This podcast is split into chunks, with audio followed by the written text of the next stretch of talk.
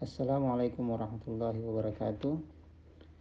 Pertanyaan dari Mbak Dita, eh, bagaimana hukum dan eh, muntah seperti apa yang membatalkan puasa? Oke.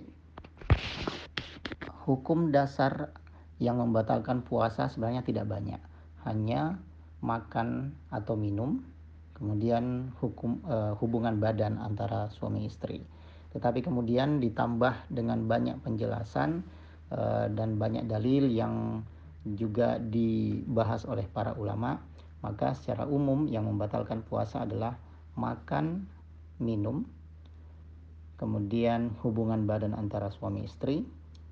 Nah, berarti hubungan badan dengan siapa pun misalnya dia berzina maka puasanya juga batal.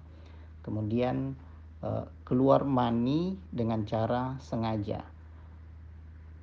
Dengan cara apa saja kecuali dengan mimpi basah. Orang yang keluar mani karena mimpi basah tidak membatalkan puasa. Eh, perempuan yang tiba-tiba sedang puasa kedatangan haid dan nifas, maka ia uh, harus membatalkan puasanya.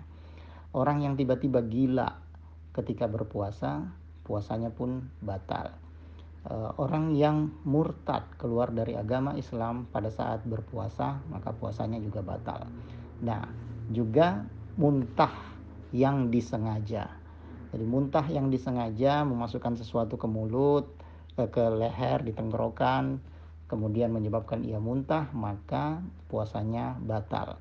Ada muntah yang tidak disengaja karena sakit atau apa pun, maka dalam sebuah hadis disebutkan Eh, puasanya tidak diqadha dalam artian puasanya tidak batal dan boleh diteruskan. Jadi muntah yang disengaja dengan memasukkan sesuatu ke tenggorokan kemudian menyebabkan ia muntah maka itu membatalkan puasa. Sementara muntah yang tidak disengaja karena suatu penyakit tidak membatalkan puasa. Wallahu a'lam bishawab. Assalamualaikum warahmatullahi wabarakatuh.